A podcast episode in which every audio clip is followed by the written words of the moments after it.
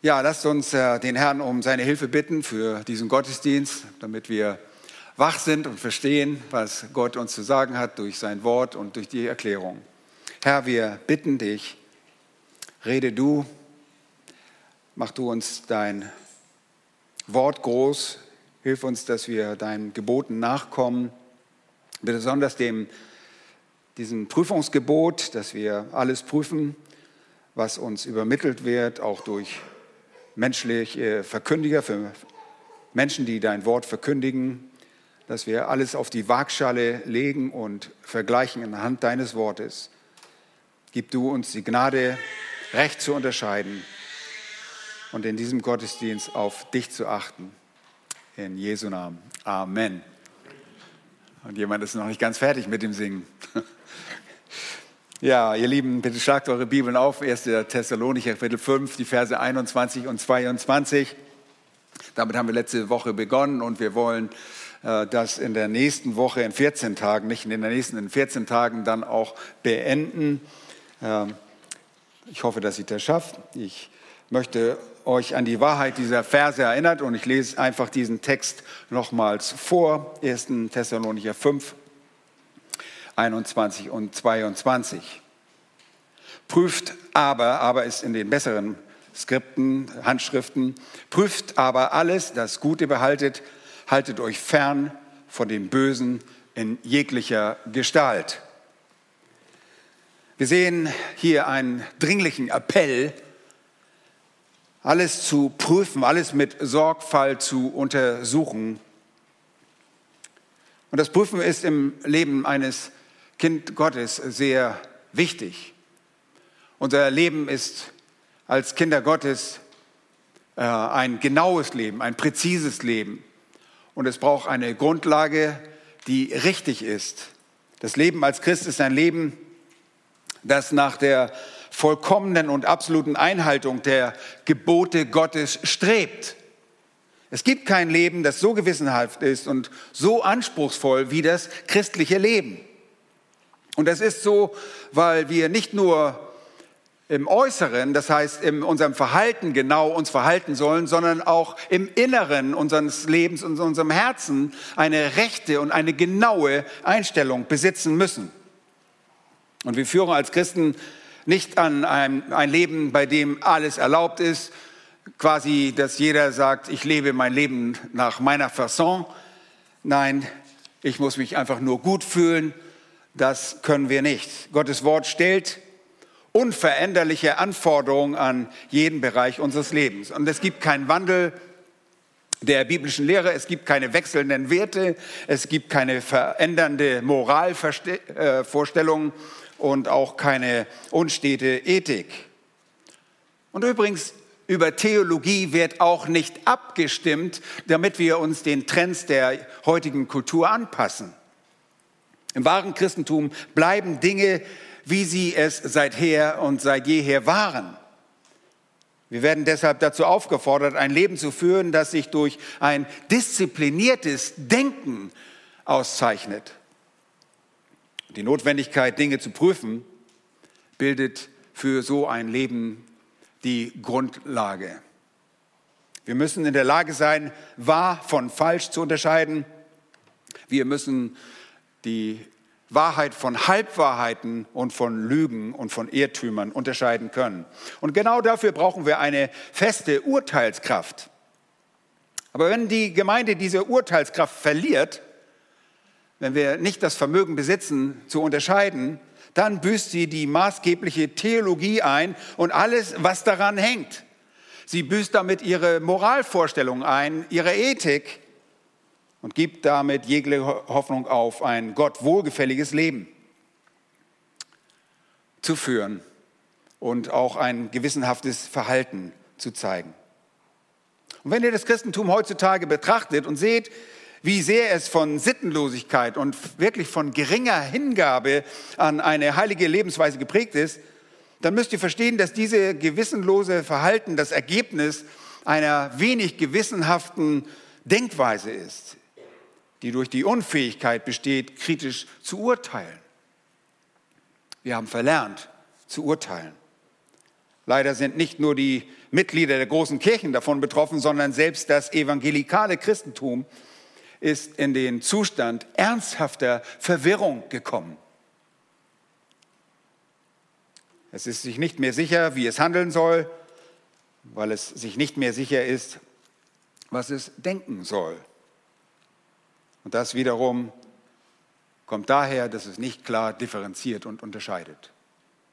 Eine verwässerte Theologie, ihr Lieben, kann nicht zu tiefer Gottesverehrung und tief empfundener Anbetung und auch nicht zur Buße führen. Und es kann nicht zur Demut und es kann nicht zu einem tiefen Verständnis von Gottes Wesen führen. Und dabei werden die Menschen Gott auch nicht in den Mittelpunkt setzen, sondern sich selbst. Und die heutige Gemeinde, die in ihrer relativistischen Einstellung über biblische Lehre und ihrer relativistischen Einstellung über Moral gefangen ist, kann deshalb nicht zu einer Gott wohlgefälligen Lebensweise gelangen. Das ist unmöglich. Biblisch gefestigte Urteilskraft ist deshalb unverzichtbar.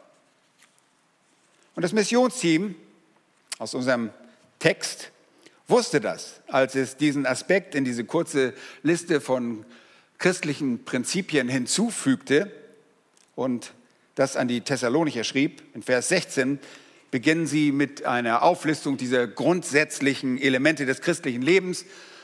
Sie schreiben, freut euch alle Zeit, betet ohne Unterlass, seid in allem dankbar.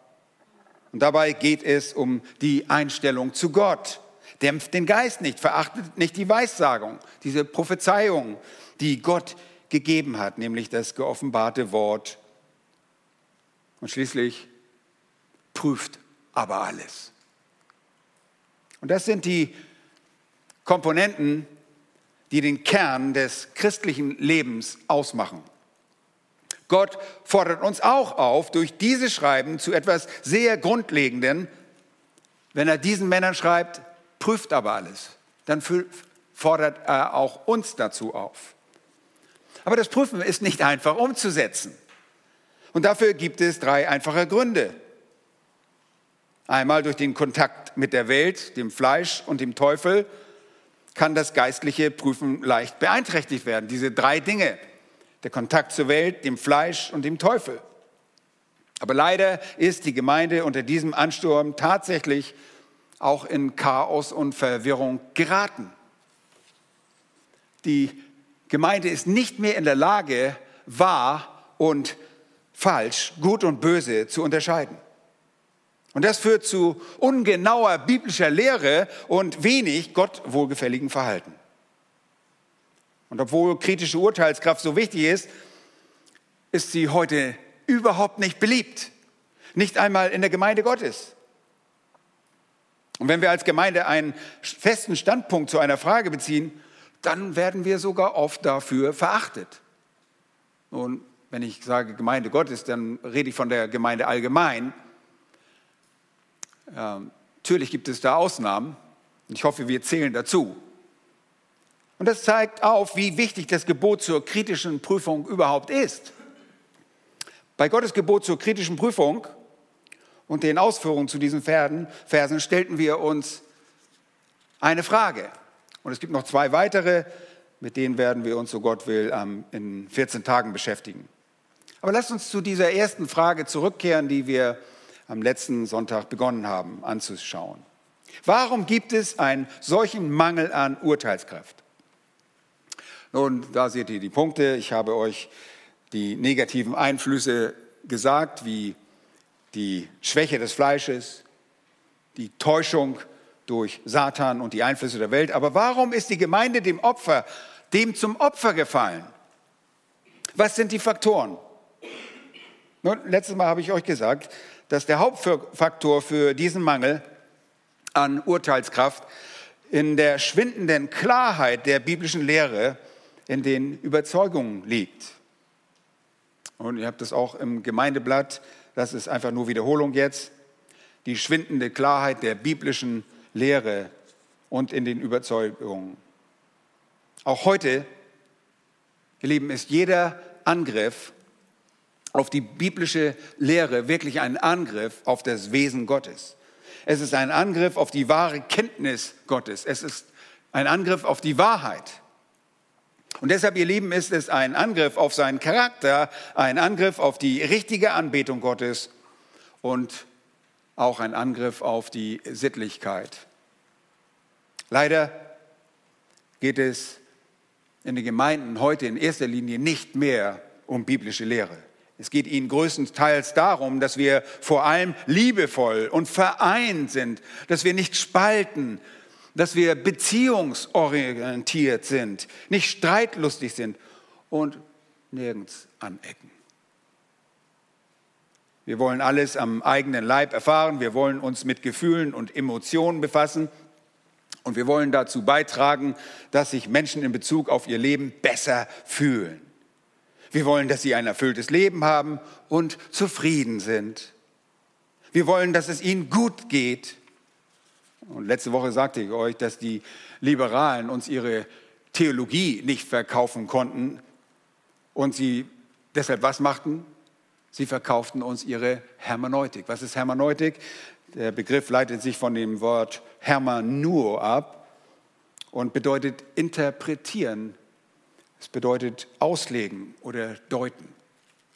Sie haben uns ihre Auslegungsmethode verkauft.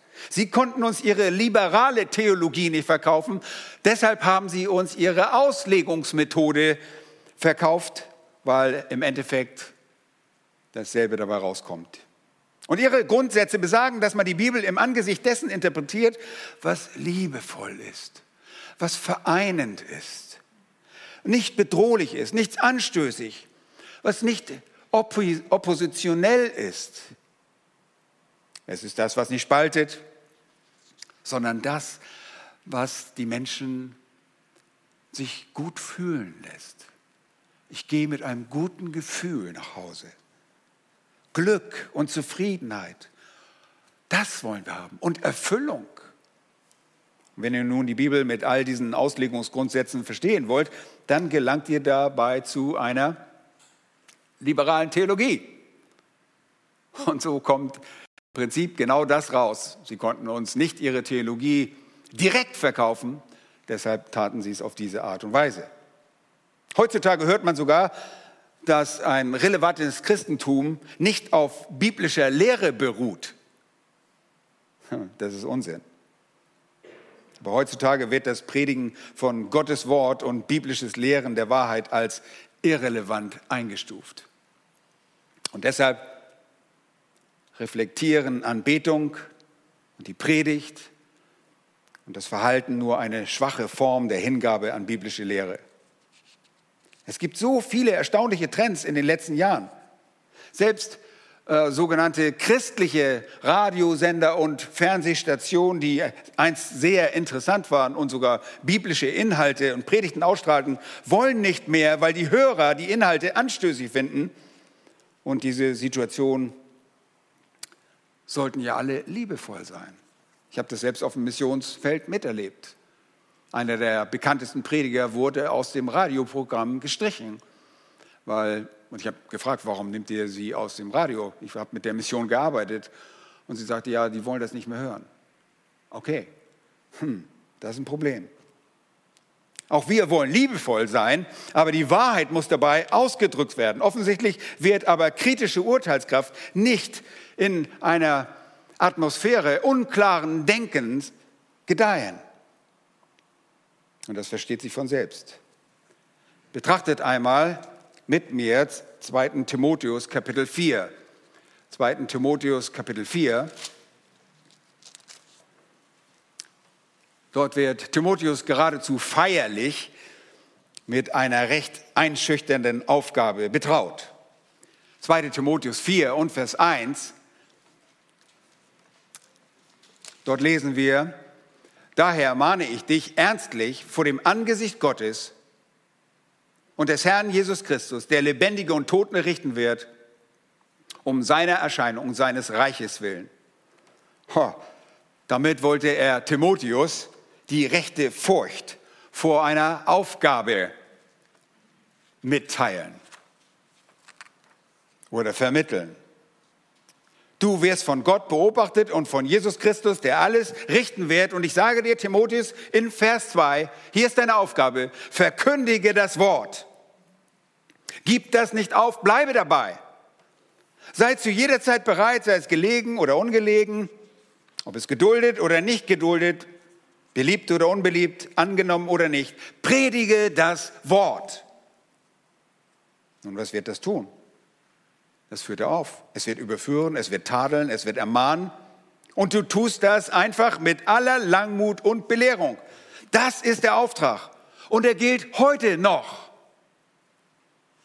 Wir sollen das Wort verkündigen. Wir gehen davon aus, dass dadurch Menschen überführt und ermahnt werden, dass das Wort sie tadeln wird oder mit der Abtrünnigkeit ihres Verhaltens oder Glaubens konfrontieren wird. Die Menschen werden von dem kommenden Gericht gewarnt und werden dazu gefordert, ihr Leben zu ändern. Sie sollen dadurch ermahnt werden. So sollen wir predigen. Vers 3, schaut mal. Da sagt es, denn es wird eine Zeit kommen, da werden sie die gesunde Lehre nicht ertragen, sondern sich selbst nach ihren eigenen Lüsten Lehrer beschaffen, weil sie empfindliche Ohren haben. Und sie werden ihre Ohren von der Wahrheit abwenden und sich den Legenden zuwenden.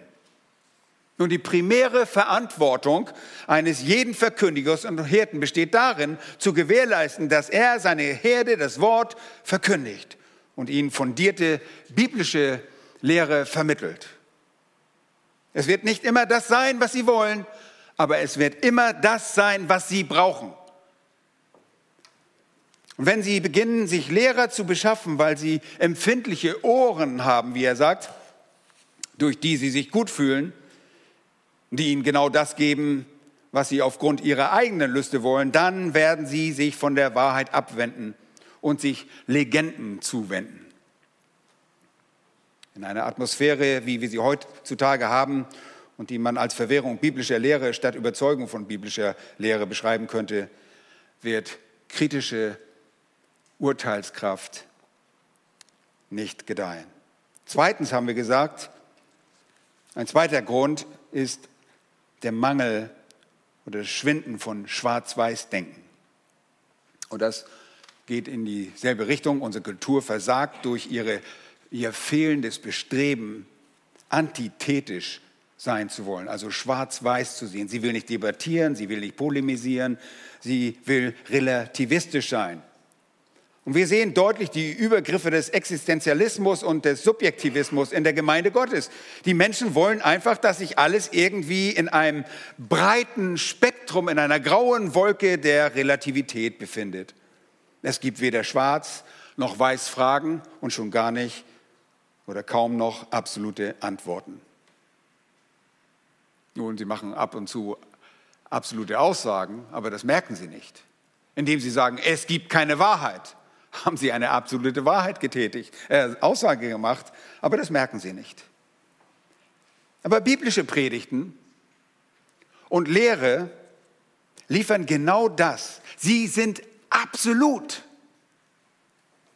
Biblische Lehre spaltet, sie konfrontiert, sie trennt, sie richtet, sie überführt, sie ermahnt. Und ihr Lieben, das ist heute nicht akzeptabel. Das ist nicht wünschenswert. Wir sind in einem Zeitalter des Vergnügens.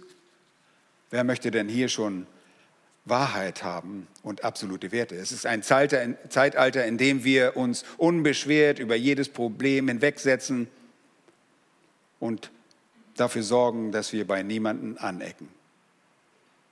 Das ist kein Zeitalter für Debatten und Polemik. Es werden heute einfach keine Grenzen gezogen. Und in einem relativistischen Zeitalter, in dem es nicht erstrebenswert ist, antithetisch zu sein, also schwarz-weiß zu denken, eine These und eine Antithese gegeneinander zu stellen und zu ermitteln, was wahr ist, in einem solchen Zeitalter der relativen biblischen Lehre wird kritische Urteilskraft nicht florieren, nicht gedeihen. Und betrachtet einmal, geht mal ein Buch weiter, Titus Kapitel 1. Da finden wir Anweisungen für einen Ältesten, einen Hirten.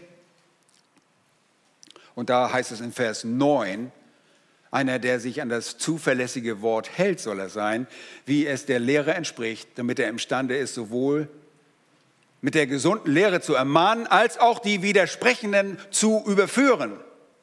Er soll an, sich an das zuverlässige Wort halten, wie es der Lehre entspricht. Und er soll mit gesunder Lehre ermahnen und die Widersprechenden überführen.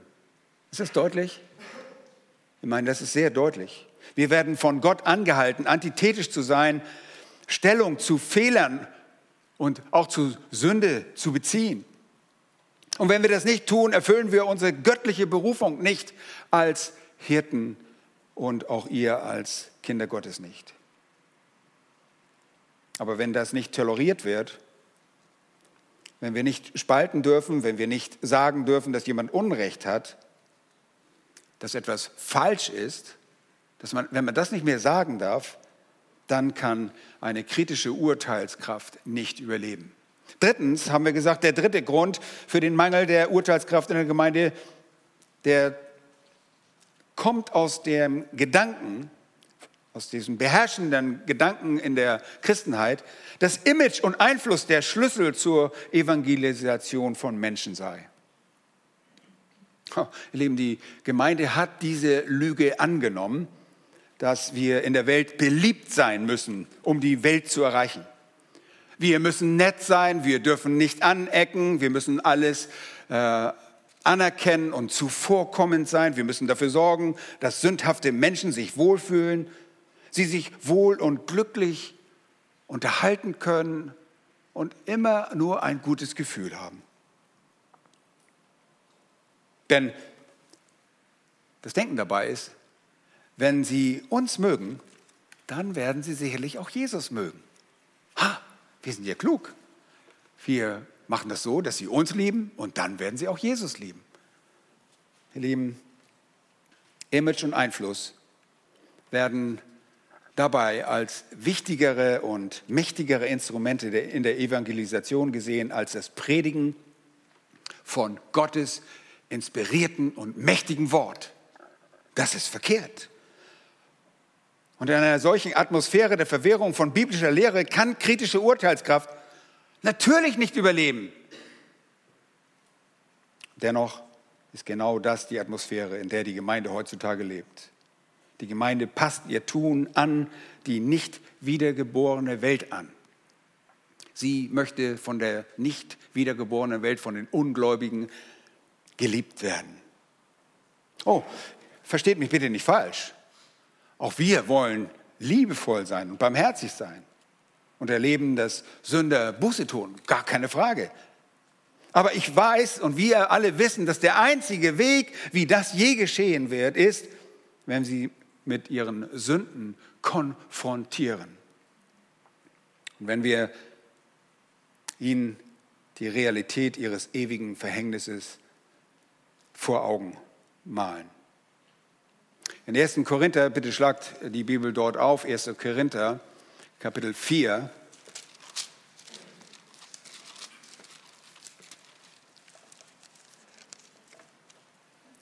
Das ist sehr hilfreich dort, was Paulus schreibt. Der Apostel Paulus offenbart eine ganz andere Einstellung zum Dienst. Schaut mal da in Vers 11. Da sagt er, bis zu dieser Stunde leiden wir Hunger und Durst und Blöße, werden geschlagen und haben keine Bleibe und arbeiten mühsam.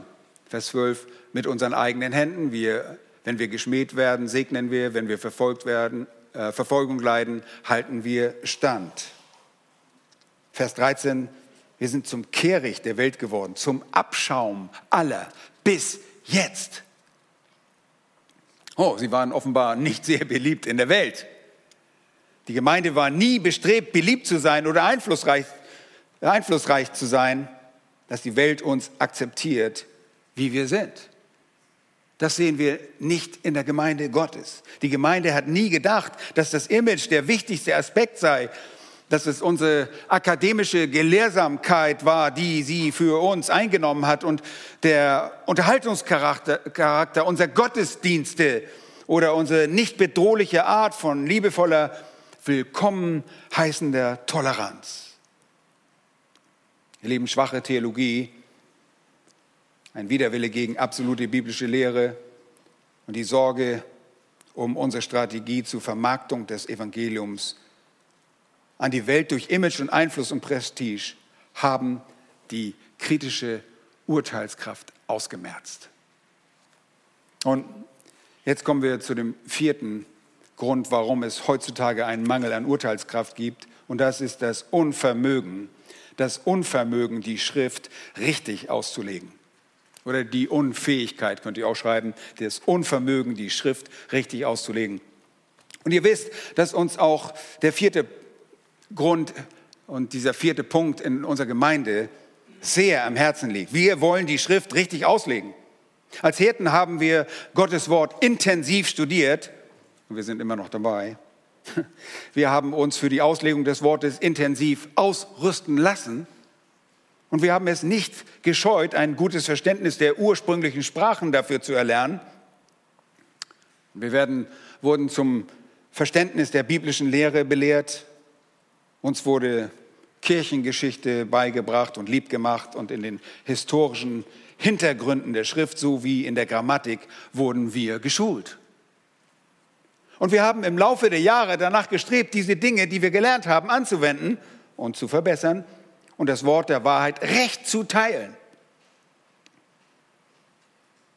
Darin wollen wir immer besser werden. Die Schrift auslegen zu können, ihr Lieben, ist eine unverzichtbare Fähigkeit, besonders für jemand, der mit der Berufung zum Lehren ja, vorne auf einer Kanzel steht.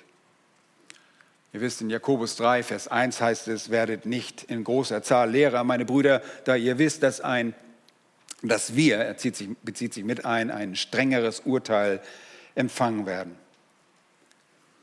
Und derjenige, der auf das Lehren sich einlässt, sollte sich lieber bewusst machen, dass er in seiner Rolle als Lehrer ein strengeres Urteil empfangen wird. Warum? Weil er jetzt nicht nur für das verantwortlich ist, was er selber tut, sondern auch andere richten sich danach, was er lehrt. Die Auslegung der Bibel ist wirklich eine sehr anspruchsvolle Wissenschaft. Aber in der heutigen Gemeinde gibt es viele Prediger, die diese Disziplin der Auslegung einfach vernachlässigen. Und als Konsequenz davon kratzen sie nur noch an der Oberfläche, predigen beziehungsorientiert und eine vermeintlich existierende christliche Psychologie weiß nicht, was das bedeuten soll, aber das sind zwei widersprüchliche Begrifflichkeiten. Oder sie erzählen irgendwelche Geschichten und tun viele andere Sachen mehr, die Gott nicht gefallen. Und das wiederum führt dazu, dass sie das Wort Gottes nie richtig auslegen. Und durch diesen Missstand ergibt sich schließlich die Erhöhung des Menschen. So dass jeder mittlerweile zu einem Quasi-Experten der Schrift geworden ist. Ich meine, wenn die Verkündiger das Wort Gottes nicht auslegen können, dann können wir uns alle mal irgendwie versuchen und mit ihnen ein bisschen streiten. Jeder, der uns begegnet, scheint das Gefühl zu haben, dass er die Bibel auslegen kann. Oh Lieben, das ist was Schreckliches. Denn Menschen, die keine gute Lehre empfangen haben und solche, die kaum belesen sind, und deshalb auch keine entsprechenden Fähigkeiten haben, können das Wort der Wahrheit nicht richtig auslegen. Sie müssen zwangsläufig irren. Dazu kommt, dass Menschen, die unzureichend in der Bibel geschult sind, aber fortgeschrittene Kenntnisse in irgendwelchen anderen Gebieten haben und vielleicht dort auch Doktortitel haben, Doktor der Psychologie, die kommen gewissermaßen und denken, wir können als Quereinsteiger, der Ausleger der Schrift, einsteigen. Schließlich habe ich einen Doktortitel. Ist zwar nicht in der Theologie, aber hey, ich bin ja Mediziner oder sonst irgendwas, ja. Viele Menschen denken schlicht und einfach, dass sie die Schrift selbst akkurat auslegen können, nur weil sie Christen sind. Und wenn sie gar keine oder nur wenig Unterweisung erhalten haben, dann reicht es ihnen. Und so werden all diese Menschen auf das gleiche Niveau gebracht. Und der Verkündiger ist letztlich nur einer von ihnen. Wir sind alle auf einer Ebene. Und so werden all diese Menschen auf das gleiche Niveau gesetzt. Jeder hat das gleiche Recht, Bücher über die Bibel zu schreiben und die Schrift auszulegen, egal wer er ist und wie unzureichend er dafür vorbereitet sein mag. Und dem könnt ihr noch ein weiteres Problem hinzufügen, das zum Mangel an rechter Auslegung beiträgt. Es ist der Einfluss durch die charismatische Bewegung, die uns seit vielen, vielen Jahren überall durchdrängt und überschwemmt. Sie behauptet, man könne einfach die Bibel lesen und Jesus würde euch irgendwie mitteilen, was sie bedeutet. Und das Arbeiten am Wort ist hinfällig. Das Wort tötet sowieso nur. Sie meinen, dass auf irgendeine Art und Weise wirkt Jesus durch den Heiligen Geist das Verständnis. Wir empfinden einfach einen tiefen und unerklärlichen Frieden und Freude und ein warmes Gefühl in unserem Bauch und ja, sogar ein Gefühl, dass unser Geist vor Begeisterung auf und abspringt. Ich weiß zwar nicht, was das bedeutet, aber so sagen sie es. Lieben, dieses Gefühl lässt uns wissen, dass der Heilige Geist durch unseren Geist Zeugnis ablegt, dass alles in Ordnung ist, obwohl wir Dinge vielleicht nicht einmal verstehen. Das ist bizarr. Mit anderen Worten, ignoriert euren Verstand, Vergesst eure Überzeugung, lasst eure Theologie außer Acht, verwerft einen gesunden Menschenverstand und verlasst euch auf euer Gefühl. Ich treffe das immer wieder an. Ja, das fühlt sich richtig an. Ich habe Frieden darüber. Der Herr hat mir gezeigt. Folgt den Gefühlen, denn euer Bauchgefühl wird ja durch den Heiligen Geist geheiligt und somit eine große Hilfe für euch sein. Ja, wisst ihr, was das ist? Das ist absoluter Unsinn, das ist Idiotie. Dieses Denken werdet ihr in der Schrift nicht finden. Wir lesen die Bibel nicht und warten dann nur auf ein Bauchgefühl. Das ist nicht nur lächerlich, das ist richtig dumm. Und das Bauchgefühl, das könnten auch Verdauungsprobleme sein oder Herzschmerzen. Aber das ist nicht der Heilige Geist. Das ist niemals der Maßstab für ein biblisches Verständnis. Aber wie viele Menschen glauben so einem Unfug? Und der Preis dieses charismatischen Mystizismus und Subjektivismus ist sehr hoch und bewirkt sehr viel Elend. Jeder hat die Freiheit zu tun und zu sagen und zu lehren, was sein Bauchgefühl ihm sagt. Und die Notwendigkeit, zuerst die Schrift auszulegen, die wird einfach abgeschafft. Brauchen wir nicht. Einerseits gibt es also Menschen, die vielleicht auslegen könnten, sich jedoch auf eine christliche Psychologie verlassen und erzählen auch noch Geschichten dabei. Und andererseits gibt es Menschen, die wirklich nicht zugerüstet sind, um die Schrift auszulegen. Aber sie versuchen sich dennoch darin. Und dann gibt es diese dritte Gruppe, diese Charismatiker, die herumsitzen und warten, bis es im Bauch knurrt oder ein schönes Gefühl gibt, wo ich weiß, ah, das fühlt sich gut an. Ja, das, das muss der Wille Gottes sein. Ihr Lieben, das ist schrecklich. Und das ist weiter verbreitet, als ihr es glaubt. Versteht ihr, warum Menschen nicht zwischen Gut und Böse unterscheiden können? Weil sie keinen Maßstab für kritisches Urteilsvermögen besitzen. Wenn man die Schrift ausklammert, kann man das nicht. Und die Bibel sagt nirgends, dass unsere Erfahrungen das Prüfkriterium für alles sind. Ich habe das schon mal erlebt. So what? Was soll das? Na, das bedeutet nichts, gar nichts. Schon immer bekämpften wahre Christen Irrtümer. Wie? Mit der korrekten Auslegung der Schrift. Das taten schon die Reformatoren im 16. Jahrhundert. Wir tun das heute im 21. Jahrhundert, nur ist unser Kampf nicht in erster Linie gegen Katholiken, sondern mittlerweile auch gegen Protestanten und Evangelikale, die derselben Art von unqualifizierten Umgang mit der Schrift verfallen sind. Ihr Lieben, das Wort Gottes muss richtig ausgelegt werden. Bitte geht noch mal in den Timotheusbrief, 2. Timotheus, Kapitel 2. Dort sagt Paulus in Vers 15, 2. Timotheus 2, strebe eifrig danach, dich Gott als bewährt zu erweisen, als einen Arbeiter, der sich nicht zu schämen braucht, der das Wort der Wahrheit recht teilt. Und dem Strebe danach folgt die Aufforderung, sich Gott als bewährt zu erweisen, als einen Arbeiter, der sich nicht schämen braucht, der das Wort der Wahrheit recht teilt. Dieser Vers impliziert, dass wenn wir das Wort Gottes nicht recht teilen, wir uns schämen sollten. Und das gibt uns einen tiefen Einblick in die Gewissenhaftigkeit, die bei der Auslegung der Bibel wirklich erforderlich ist. Beachte dabei bitte, dass Menschen sich nicht absichtlich zu einer falschen biblischen Lehre hin orientieren. Nicht jeder sagt einfach, oh, ich will jetzt einfach eine falsche biblische Lehre haben und finden. Ich will eine Lüge finden. oh, ich suche die Täuschung. Nein, keiner will das, oder? Ich sollte nicht sagen keiner. Es gibt auch welche, die das ganz bewusst tun. Aber nein, die meisten wollen es nicht. Nein, Menschen kommen nicht absichtlich zu solch schrecklichen Trugschlüssen. Es liegt vielmehr an ihrer Faulheit, an ihrer Unbeholfenheit, ihrer Achtlosigkeit und Torheit im Umgang mit der Schrift. Schaut mal da in Vers 17.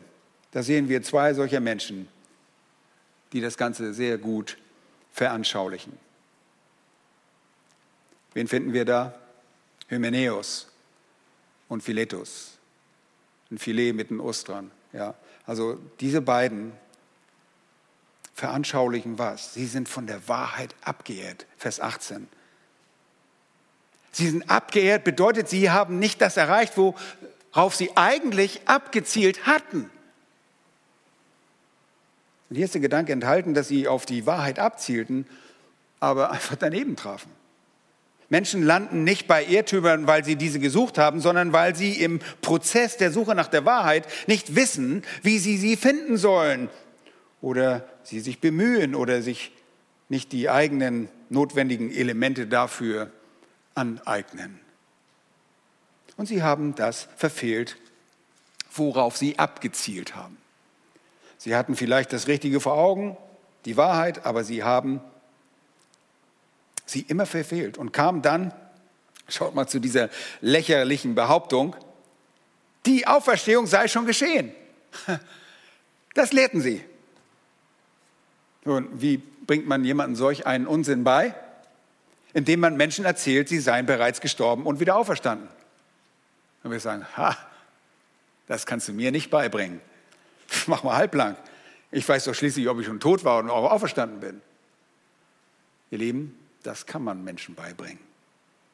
Diese beiden müssen gelehrt haben, dass es bereits eine Art geistliche Auferstehung gab und dass es nur eine geistliche Auferstehung gab und dass diese bereits geschehen sei. Nun, vielleicht sagten sie, dass Christen bereits die gesamte Auferstehung erfahren haben, die es geben wird und dass es keine künftige mehr geben wird und dass die Auferstehung rein geistlich war. Gibt es sowas? Oh ja, das gibt es. Und wisst ihr was? Solche Leute erschüttern den Glauben einiger und haben innerhalb von kurzer Zeit eine ganze Gefolgschaft. Und es ist dabei nicht so, als ob diese auf einen Irrtum abgezielt hätten. Sie waren einfach unachtsam, sie haben sich keine Mühe gegeben, sie waren faul und sind zu einem falschen Ergebnis gekommen. Vers 15 sagt Paulus praktisch, sei nicht wie Hymenäus und Philetus, sondern studiere sorgfältig, damit du dich vor Gott als Arbeiter erweisen kannst, der sich nicht zu schämen braucht, weil er präzise mit dem Wort Gottes umgegangen ist. Ihr alle müsst diese bewusste Integrität vor Gott beweisen. Jemand, der sich mit dem Wort Gottes befasst, sollte sich nie schämen, weil er nicht alle Ressourcen oder alle seine Energie in die Auslegung der Schrift gesetzt hat. Leider gibt es viele Prediger, die bei Menschen auch äußerst beliebt sind, aber für Gott eine Schande sind. Schlechte Arbeit im Wort kann nicht geduldet werden. Sie ist eine Schande bei Gott. Wir müssen dem Wort Gottes treu sein. Und ob wir darin versagen, die Schrift richtig auszulegen, uns von den Gedanken an unser weltliches Image beherrschen lassen oder nicht schwarz-weiß denken, zu wenig Klarheit in unserer biblischen Lehre und Überzeugung haben, jedes einzelne, all diese Dinge werden buchstäblich dazu führen, dass die Urteilskraft unter uns schwindet. Wie können wir zwischen Gut und Böse unterscheiden, wenn wir keine biblische Lehre haben und wenn das kein Thema ist? Wie können wir eine starke Urteilskraft besitzen, wenn wir nicht bereit sind auszusprechen, was falsch und richtig ist und uns nur mit relativen Dingen beschäftigen? Das geht nicht. Nun, es gibt einen fünften Grund, der weit verbreitet ist, warum es so einen Mangel an Urteilskraft gibt, und das ist der Verzicht auf Gemeindezucht. Der Verzicht auf Gemeindezucht, das ist eine sehr ernste Angelegenheit.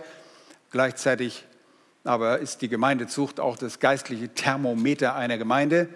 Wir denken bei Gemeindezucht meistens nur an den allerletzten Schritt, aber letztlich ist das, was ständig in der Gemeinde stattfindet. Wir sprechen einander an, wenn wir jemand aufhelfen wollen, weil er in Sünde gefallen ist.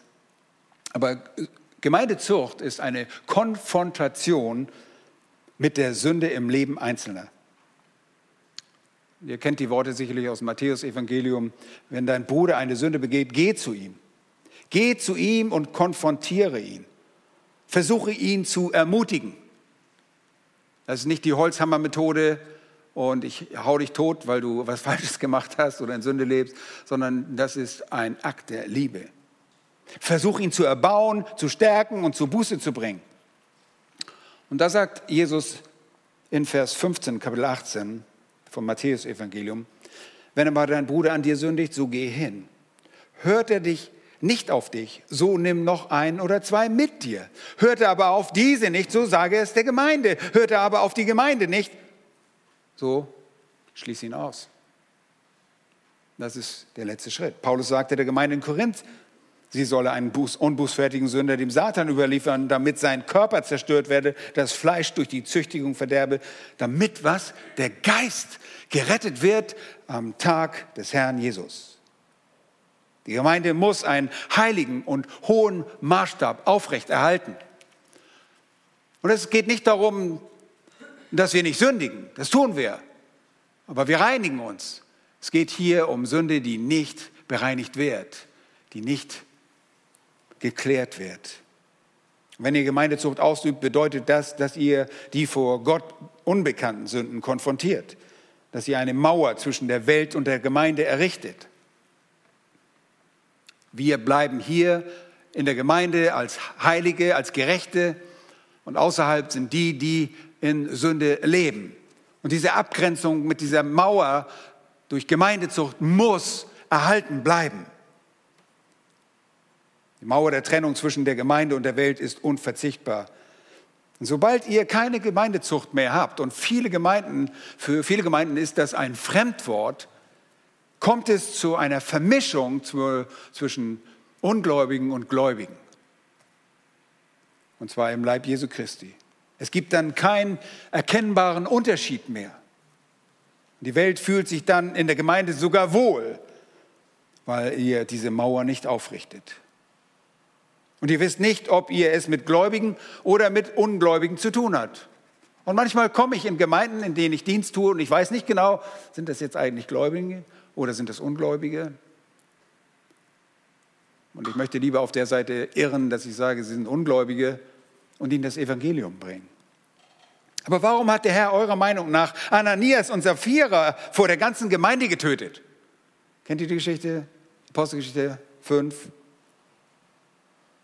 Heutzutage würde jeder Gemeindewachstumsstratege sagen, das war wirklich töricht, was da geschehen ist weil sie der Gemeinde diese Handlung einen schlechten Ruf einbrachte.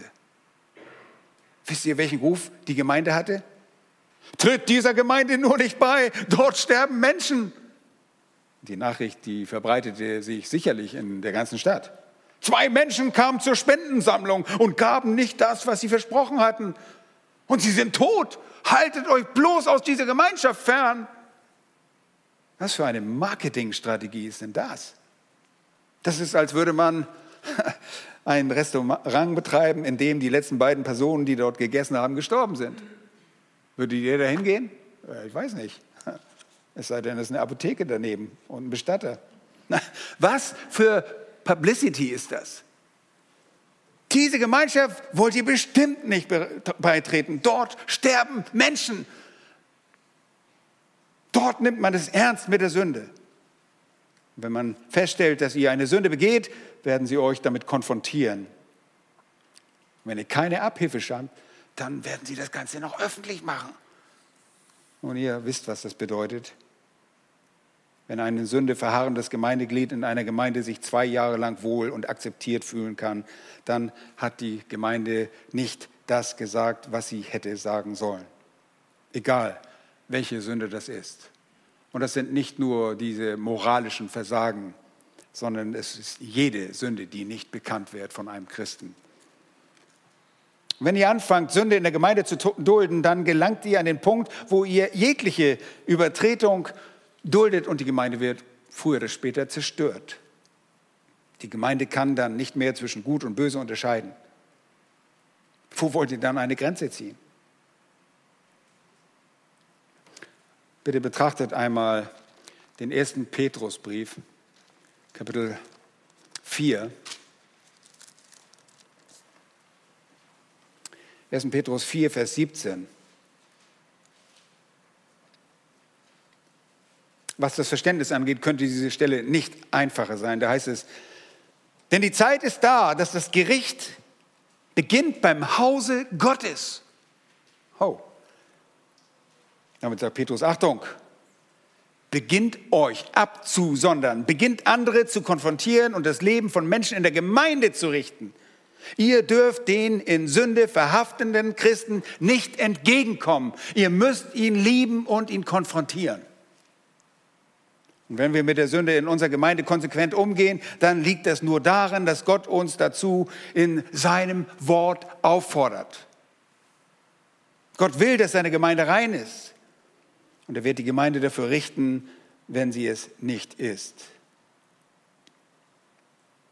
Und wenn er das schon tut, wenn er nämlich Menschen innerhalb der Gemeinde tut? Was wird mit Menschen geschehen, die außerhalb der Gemeinde sind?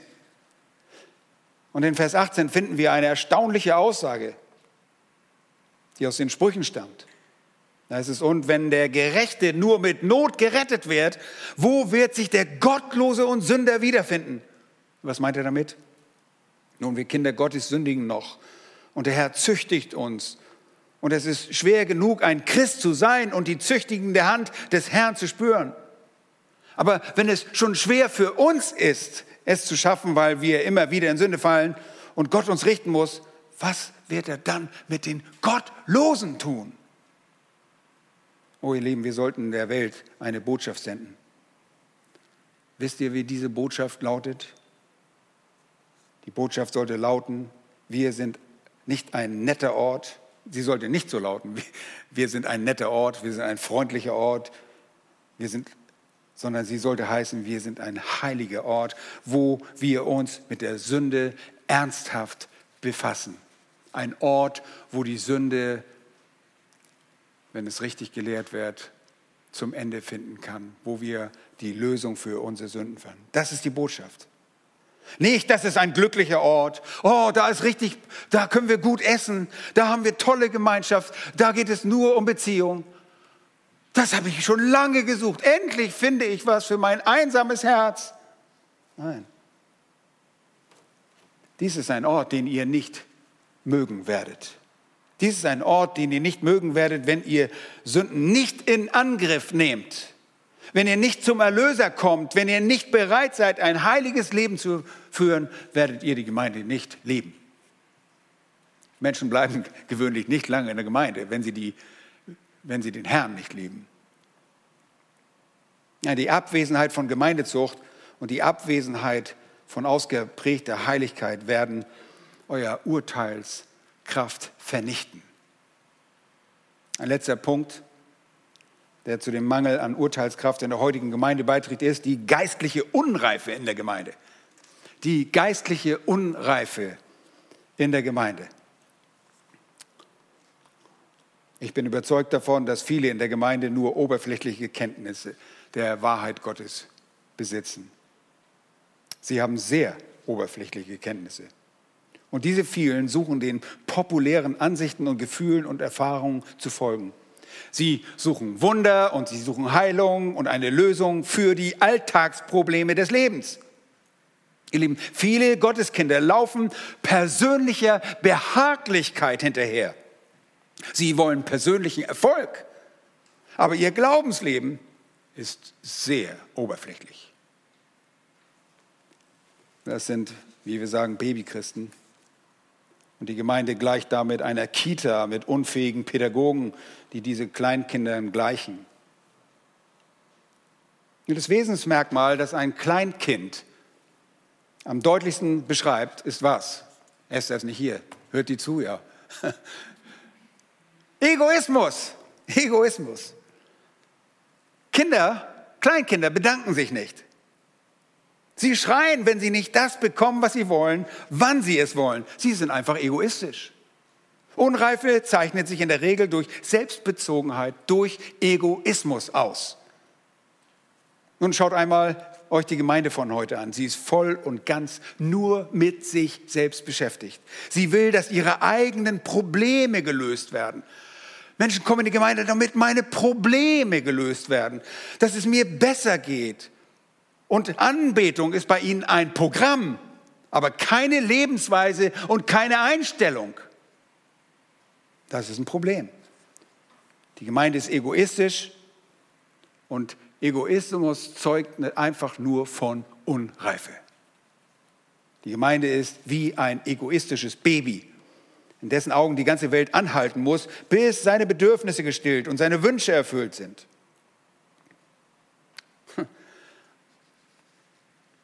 Und Geist Unreife zeichnet sich gewiss nicht durch eine feste, kritische Urteilskraft aus.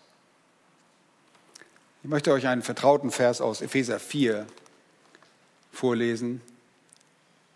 Galater Epheser 4 und dort in Vers 14.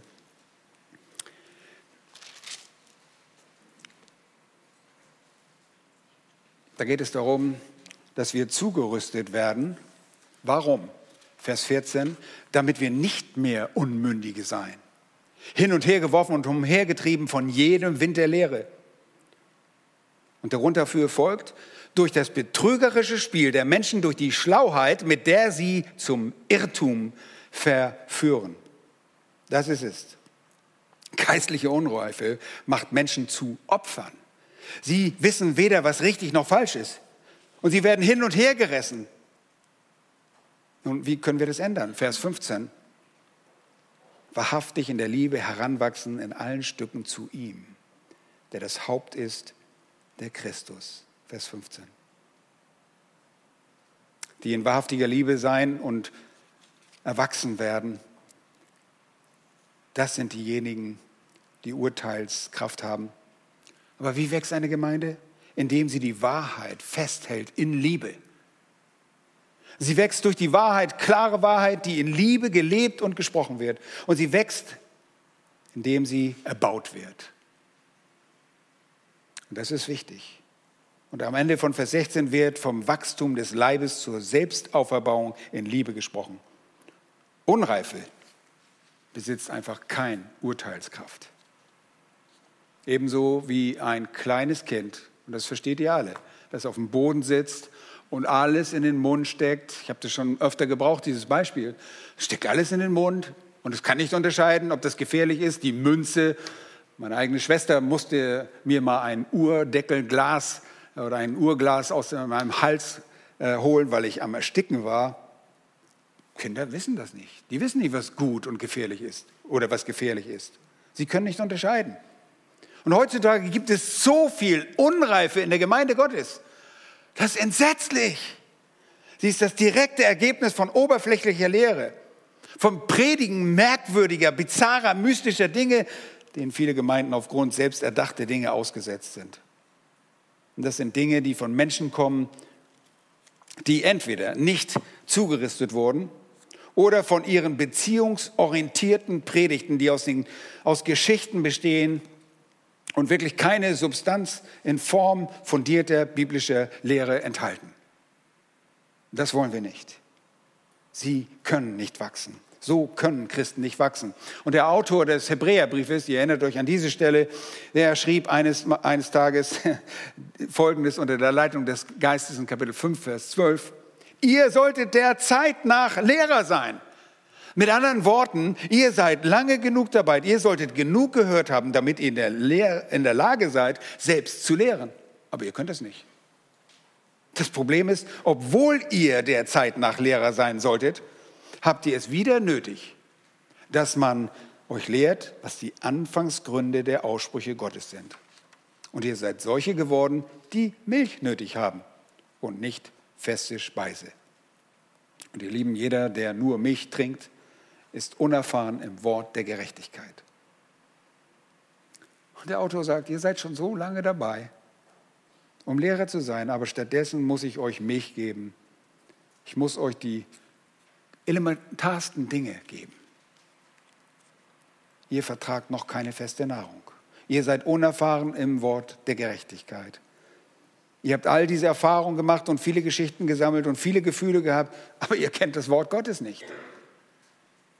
Ist es euch das begegnet, dass ihr mit Leuten gesprochen habt, die 20, 30, 40 Jahre Kinder Gottes sind und auch vorgeben, Christusbekenner, und die haben keine Ahnung, was die Bibel eigentlich wirklich lehrt? In Vers 14 heißt es, die feste Speise aber ist für die Gereiften. Und hört mal zu, die Gereiften, deren Sinne durch Übung geschult sind, durch Unterscheidung des Guten und des Bösen. Seht ihr, wir brauchen Schulung. Unterscheidungskraft und Reife gehen Hand in Hand. Lehre im Wort Gottes empfangen, das Wort der Gerechtigkeit verstehen, feste Nahrung zu sich nehmen, geistliche Gewohnheiten und geistliches Verhalten auszuleben. Ihr Lieben, das ist es, was eure Sinne schult, um zwischen Gut und Böse zu unterscheiden. Ob ihr also über den Mangel an Überzeugung von der biblischen Lehre sprecht, über Image und Einfluss als Schlüssel zur Evangelisation, den Widerwillen gegen absolute Werte und den Wunsch nach Relativismus oder ob ihr unzureichende Auslegung der Schrift redet oder einen Mangel an Gemeindezucht seht. All das oder über Unreife. Sie alle überschneiden sich und sind irgendwo alle miteinander verknüpft. All diese Dinge tragen zum Verlust der Urteilskraft bei. Wie kommen wir hin? Wir sollen hier prüfen. Prüft aber alles. Du kannst nur prüfen, wenn du Urteilskraft hast. Wir sind weich gegenüber biblischer Lehre und nicht wirklich sicher, was wir glauben. Wir wollen nicht mehr schwarz-weiß denken. Wenn das der Fall ist, sind wir nicht in der Lage, zwischen Gut und Böse zu unterscheiden. Dennoch sagt die Schrift in Sprüche 14, die Weisheit lässt den Klugen erkennen, welchen Weg er gehen soll. Sprüche 14, 33, die Weisheit wohnt ruhig im Herzen des Verständigen. Sprüche 16, 21, wer ein weises Herz hat, wird verständig genannt. Sprüche 17, Vers 24, dem Verständigen liegt die Weisheit vor Augen. Die, Tor, die Augen des Toren aber schweifen am Ende der Erde umher. Haben Sie sich mal gefragt, wie das geht? Ich habe neben diesem Vers ein WWW stehen, ein dreifaches W, World Wide Web. Leute sitzen vor dem Web und die gucken sich alles in der Welt an. Ja? Und das passt irgendwie. Aber die streifen überall. Das ist jetzt keine richtige Auslegung, aber das ist eine Anwendung. Das Verständnis liegt dem, dem äh, Weisen vor Augen, nämlich im Wort Gottes. Und du brauchst nicht zum World Wide Web gehen, um irgendwo zu finden, was für ein Blödsinn da zu finden ist. Feuer in Australien. Oh, große Nachricht, muss ich unbedingt sehen. Muss ich sehen. Das verändert mein ganzes Leben, wenn ich das Feuer in Australien sehe. Quatsch ist das. Blödsinn ist das. Der Verständige ist fokussiert. Er ist fokussiert, Nahrung aufzunehmen. Und ihr Lieben, das wollen wir, die Nahrung des Wortes Gottes. Und ihr Lieben, einige von euch sind so diszipliniert in Dingen, wenn es um Nahrungsaufnahme geht oder politische Analysen zu betreiben, finanzielle, ihr habt vielleicht eine, eine Aktie gekauft oder sonst irgendwas. Oder einige von euch sind auch unübertroffen als Sesseltrainer der Fußballnationalmannschaft. Und gestern hättet ihr garantiert ein Tor geschossen. Garantiert. Ihr sitzt da und schießt jetzt rein. Oh, die sind doch so doof. Ja, das könnt ihr. Ihr seid richtig gut. Bitte, diese Kraft wendet sie im Wort Gottes an. Analysiert das Wort Gottes. Schaut, wie das Wort Gottes auszulegen ist. Oh, weil die Gemeinde keine Urteilskraft hat, wird sie mit einer tödlichen Chemikalie vergiftet, die wie lebendiges Wasser aussieht. Nun, so viel zu der ersten Frage, warum es so viel oder so einen Mangel an Urteilskraft gibt mit der Frage 2 und 3, so der Herr will, beschäftigen wir uns 14 Tagen. Lass uns beten. Herr, wir müssen zugeben, dass auch wir uns schon manches Mal sehr töricht angestellt haben und versucht haben, eine Abkürzung zu machen in der Auslegung deines Wortes. Herr, wie dumm, dich nicht beim Wort zu nehmen und alles zu betrachten, was du gesagt hast. Herr, keiner von uns vertraut einem Arzt, der nicht alles studiert hat, bevor wir in ein OP gehen. Herr, wir wollen dir unser Vertrauen aussprechen, denn dein Wort ist Wahrheit. Dein Wort ist der Standard, anhand dessen wir prüfen können. Prüfen, was von den Kanzeln und in den Lehrstunden uns beigebracht wird wir wollen das alles auf die Waagschale legen,